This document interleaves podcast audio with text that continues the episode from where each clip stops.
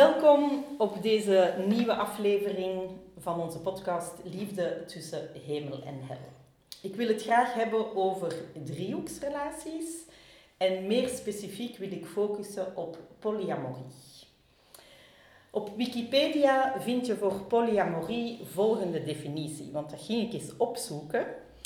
En daar staat, polyamorie staat voor een levenswijze waarin men openstaat voor het gelijktijdig hebben van meer dan één liefdesrelatie, waarbij ook ruimte is voor seksualiteit op voorwaarde dat het gebeurt in openheid en eerlijkheid en met medeweten en instemming van alle betrokkenen. Er wordt dus duidelijk een verschil gemaakt met open relaties en swingen, twee andere vormen van driehoeksrelaties, waar het niet gaat over de emotionele of de liefdesconnectie. dus het, het belangrijke bij de polyamorie is echt de liefdesconnectie. Dat is de basis van de polyamoreuze relatie.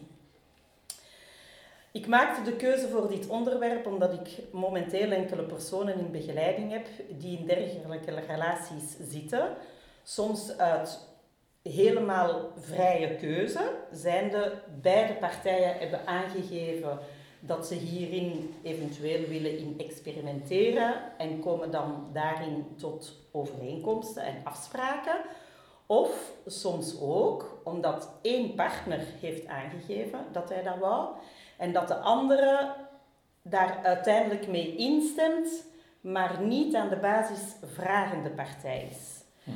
Hm dus ik denk dat dat een belangrijk feit is dat meespeelt in mogelijke problemen die zich dan kunnen voordoen in die uh, polyamoreuze relaties. Want wat mij opvalt is dat bij die polyamorie ehm, soms een van beide of allebei in verwarring of in een jaloezie terechtkomt. Omdat er te weinig gecommuniceerd wordt eventueel maar ook omdat er over de grenzen van uh, de relatie gegaan wordt. Hè. Want het is duidelijk dat um, we bij monogame relaties afspraken maken, maar dat bij polyamoreuze relaties er eigenlijk nog meer afspraken moeten gemaakt worden. Mm. Die gaan zowel over de emotionele kant van de relatie als over de fysieke kant van de relatie. En dus het maken van die afspraken of het opstellen van regels daarover um, zijn eigenlijk superbelangrijk. En dan moeten ze ook door beide partijen gerespecteerd worden. dus het gaat niet alleen over we maken die afspraken, dat is wat we bij, in de vorige aflevering bij uitstelgedrag ook uh, besproken hebben. we maken de afspraken en dan kijken we ja, hoe respecteren we die afspraken en blijven we daarin zeer eerlijk met elkaar. Dus het duidelijk maken van die afspraken en heel veel communicatie is een absolute must bij um, die polyamoreuze relaties. Uiteraard gaat daar dan ook heel veel energie in kruipen en mm. tijd. Hè? Dus daar, daar is nog meer beschikbaarheid nodig eigenlijk naar al die verschillende partijen dan dat je in een monogame uh, relatie tegenkomt. Een tweede voor mij belangrijke factor naast die duidelijkheid en die communicatie is de eerlijkheid. De eerlijkheid zowel naar de verschillende partners in die verschillende relaties als de eerlijkheid naar mezelf kan ik 100% eerlijk zijn over hoe ik in deze, misschien de basisrelatie, als ik mag noemen de eerste relatie, en dan de tweede relatie, aanwezig ben. Ehm, en ik denk dat daar toch vaak een beetje het, schoentje wringt. Um, dat onze afspraken toch niet 100% worden nagekomen. Of dat er grote of ook kleine dingen soms verzwegen worden. Um, een beetje vanuit, ja, dat is toch niet zo belangrijk. Maar eigenlijk kunnen we wel voelen, of dat kan ik toch voelen, zowel in de relatietherapie of soms ook individuele sessies uh, van mensen die in dergelijke relaties zitten, dat daar toch veel wringt eigenlijk. Hè? En dat daar toch ook heel veel niet echt klopt.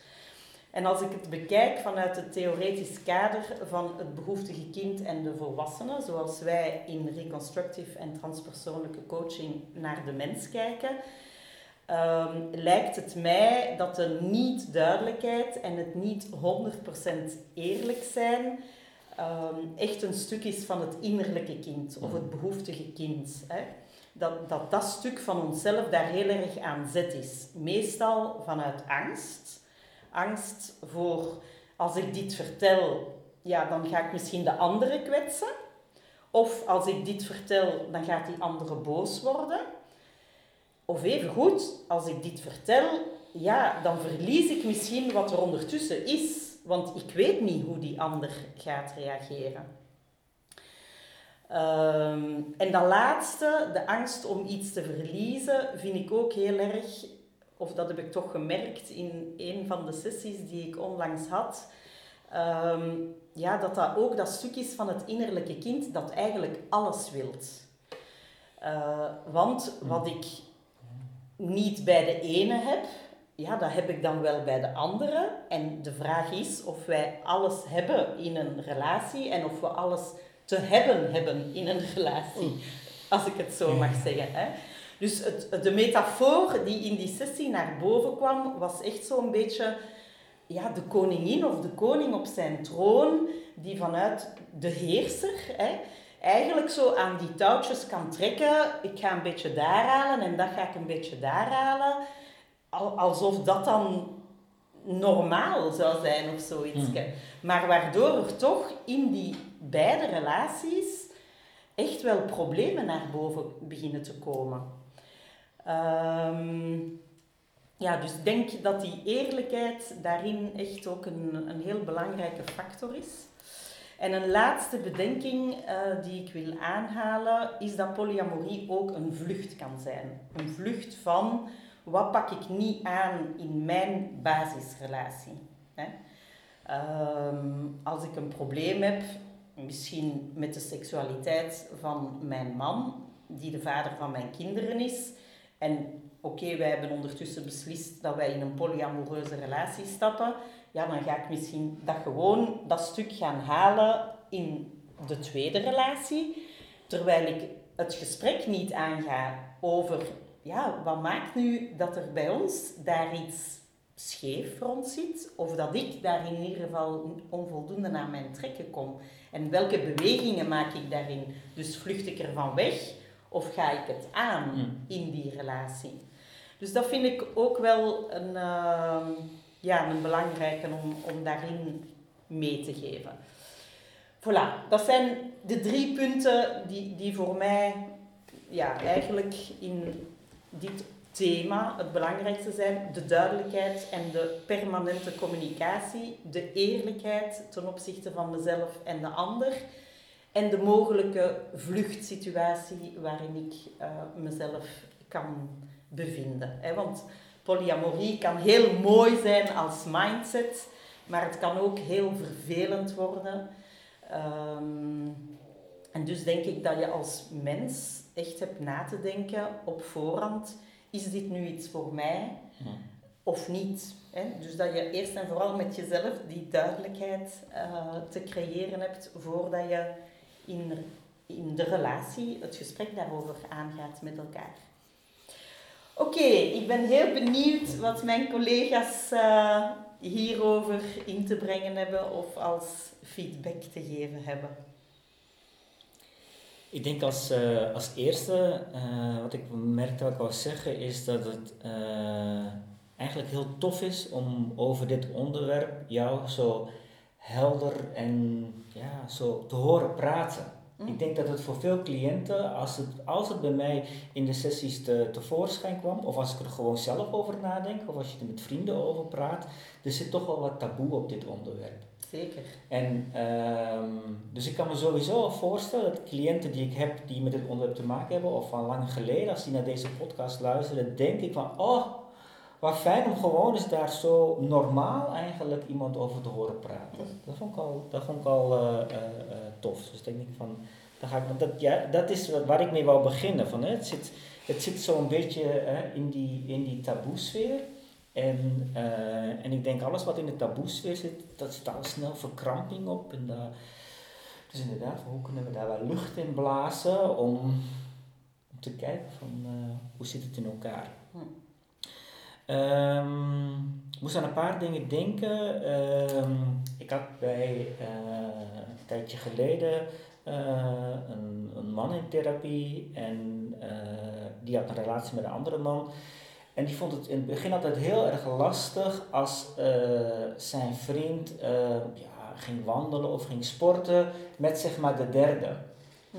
En dat je dan inderdaad wel kreeg van jaloezie, maar dat hij eigenlijk dan uh, door daarover te praten, dat dan voor hem, want soms, ja, hè, het, uh, waar worden wij in geraakt? Wat zijn onze triggers? Dat is vaak ons, ons gekwetst kind, ons behoeftig kind, ons niet geziene stuk.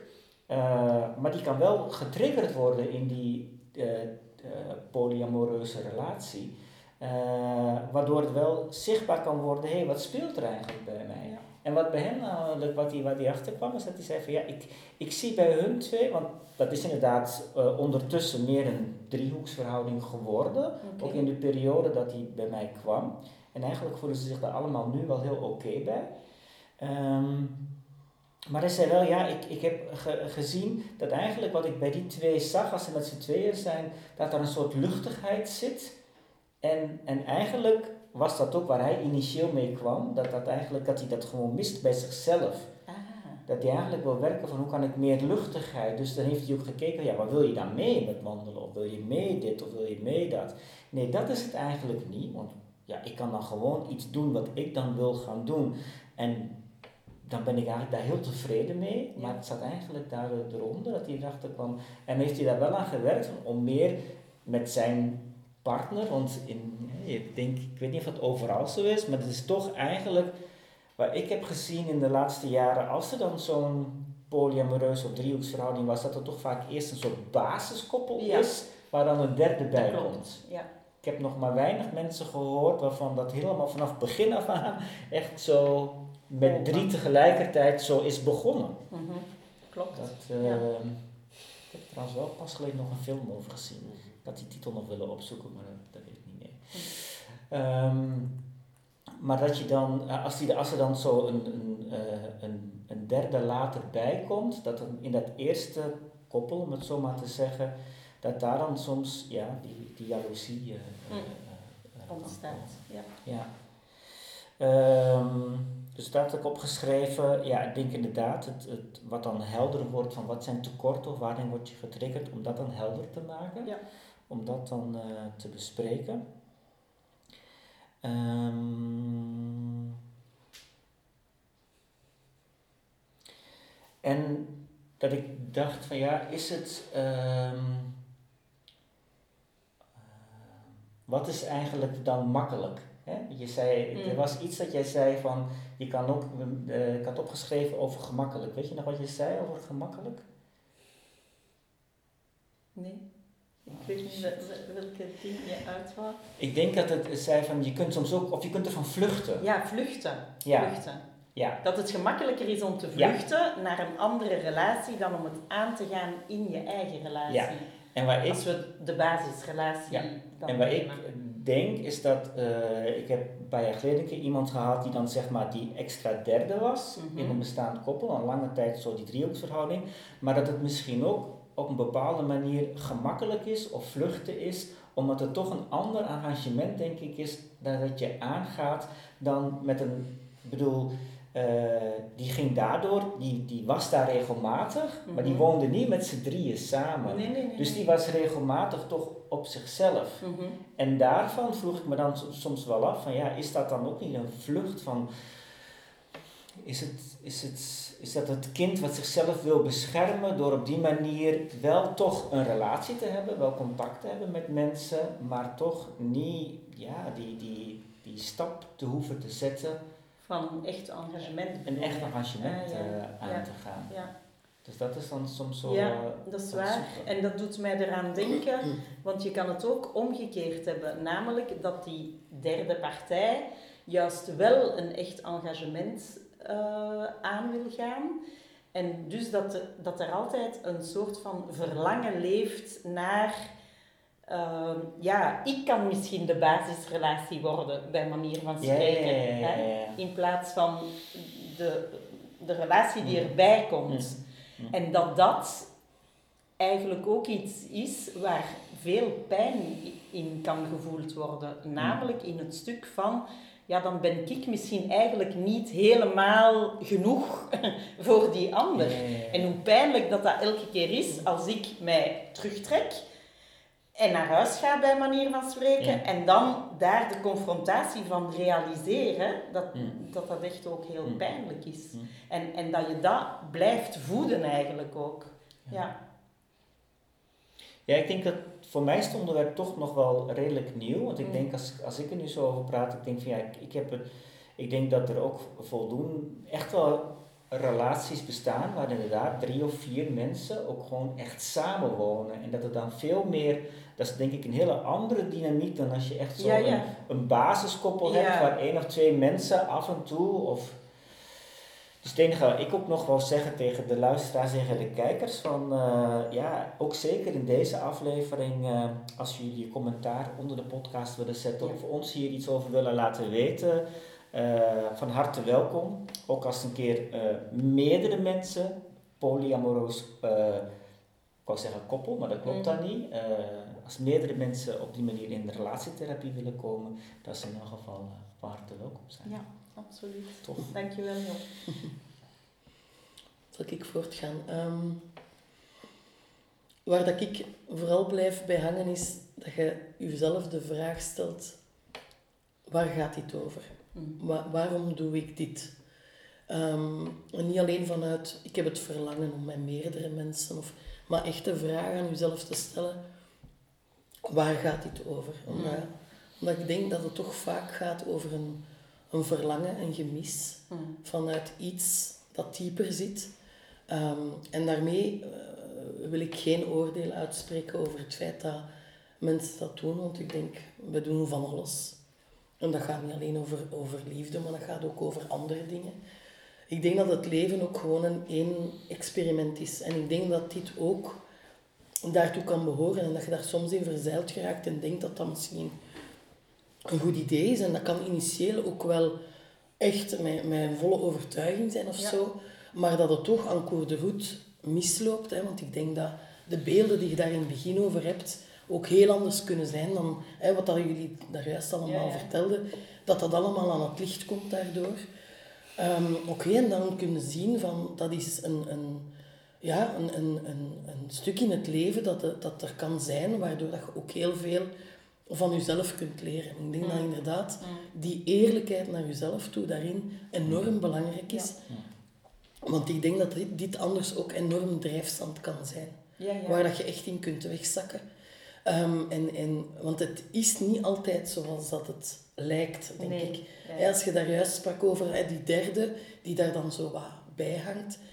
Dat kan zijn dat dat voor die persoon in orde lijkt. Maar ik denk dat daar ook echt belangrijk is om je de vraag te stellen, is dat werkelijk wel zo? Ja, ja. Is dat werkelijk wel zo? Want vanuit je kindstuk kun je ook blij zijn met wat kruimels, blij zijn met wat je kunt krijgen. Ja. Dat gaan ook blij zijn dat er iets is, snap je? Ja, Allee, dat- Het is maar gewoon één voorbeeldje dat ik eruit haal om, om aan te tonen van hoe belangrijk dat het is om eerlijk te zijn. Ja. En de eerlijkheid kan maar komen soms door erin te gaan, Ja, ja. door het te ervaren, omdat je het misschien op voorhand allemaal niet kunt bedenken. En dus eigenlijk dat wat dat je in een, een gewone relatie met twee als spiegel kunt krijgen, kun je daar natuurlijk ook krijgen Uiteraard. als spiegel. Dus het is gewoon, ja, zoals het er zoveel dingen bestaan in het leven, is dit ook zoiets. Mm. En ik denk van ja, we kunnen er alleen maar uit leren. Mhm. En willen erin gaan, gaat erin en, en geniet ervan en zie wat dat het u kan brengen. Mm.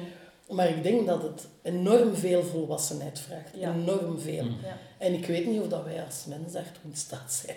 Ja. Om ooit tot die ultieme volwassenheid te komen. Maar oké, dat, is een, een, dat is een vraag die ik mij stel. Ja.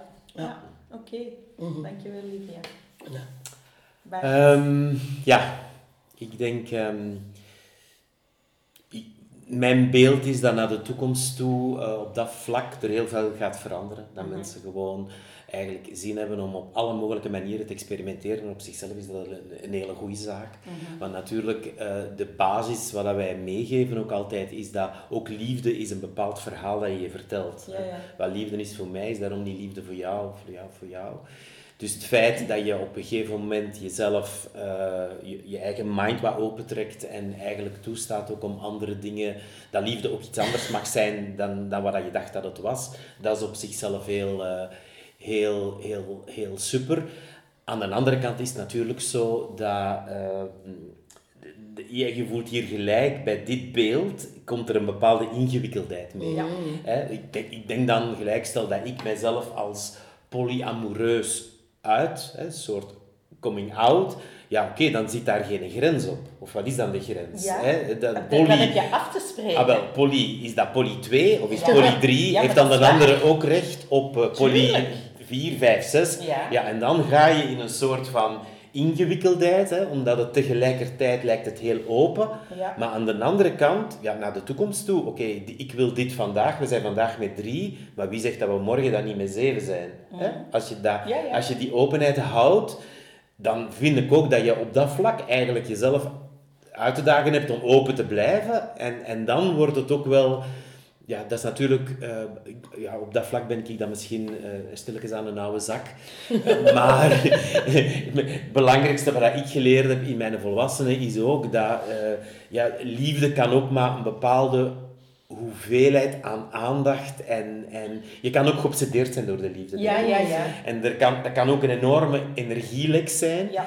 Terwijl dat misschien het echte essentiële in jouw leven misschien toch datgene is wat, dat je, er, wat dat je in het leven kunt brengen, wat dat je eraan kunt toevoegen. Dus ja, ik kan, mij persoonlijk lijkt het horror. Echt waar. Maar dat is persoonlijk. Nu, op dit, ik, mij, als ik stel mij op 25 jaar, dan, dan leek me dat misschien geweldig. Dan heb ik zoiets van, oh, heb ik daar niet aan gedacht. Maar nu ja, lijkt het een soort van, oef, als ik zo aandacht moet verdelen en Ja. als daar naar die liefde zoveel aandacht gaat, ja, dan blijft er weinig over om te doen wat voor mij echt belangrijk is in dit leven. Ja. En dat is dan misschien toch iets anders. Ja, ja. Het vraagt enorm veel energie, denk ik. Wel, omdat je automatisch in een ingewikkeldheid gaat die in elke relatie zit, hè, van afspraken maken, van praktische dingen doen, hoeveel samen, hoeveel apart, wat Ja. wilde ik, wat wilde jij. Ja. Oeh, oeh, oeh. Allee, ik bedoel, krijgt het maar eens helder. Ja, en dan, andere ideeën over. en dan zit daar natuurlijk ook direct de gevoeligheid bij, hè, want een andere krijgt meer. Dus je zit gelijk, als dat er meerdere kinderen zijn in een gezin, die zitten daar allemaal te kijken, wie krijgt er hier het meeste liefde. Ja. Dus Ja. dat is natuurlijk, dat is de situatie. Maar op zichzelf denk ik dat het super tof is dat, dat mensen ook daarmee gaan experimenteren, om, om, om, ja, omdat, omdat, het ook op, omdat het ook iets heel boeiend heeft. Ja, ja. En dat er ook een manier in zit om jezelf te leren kennen, ook op liefdesgebied. Hè. Wij moeten, ja, liefde is een super boeiend thema waar dat wij ons moeten toe verhouden. Ja. En wij hebben daar een heel leven voor. En ik vind die dat kei tof dat mensen dat proberen. Hè. Mm. En, en, en daar dan ja, iets uit leren, denk ik. Ja, ja, want het gaat ook dan inderdaad over het proberen en niet weglopen van de moeilijkheden die zich dan Mhm. aandienen, maar elke keer opnieuw eerlijk, duidelijk, communicatie. Mhm. Hè? En, en elke keer dat cirkeltje terug rondgaan. Eerst met jezelf en dan met de ander en dan afspraken en dan opnieuw over de afspraken. Ja. En ik, ja, ik denk dat het door te doen is, door Ja. daarin te zitten, dat Ja. je pas kunt weten wat het is. Hm. En ja, en dat denk ik hoe ingewikkeld het kan zijn. Ja, ja, absoluut. En, en misschien heb je er dan al lang goesting van. eh, Mogelijks, mogelijks. Ja, dat weten we niet. Ja. Oké, dank jullie wel, Livia, Job en Bart, voor jullie aanvullingen. Dank jullie wel, luisteraar en kijker. Wil je er iets over kwijt? Zoals Job zegt, we zijn te bereiken via mail of via de sociale media. En we zijn er graag volgende maand weer voor een nieuwe aflevering van Liefde tussen hemel en hel. Dank jullie. Dag.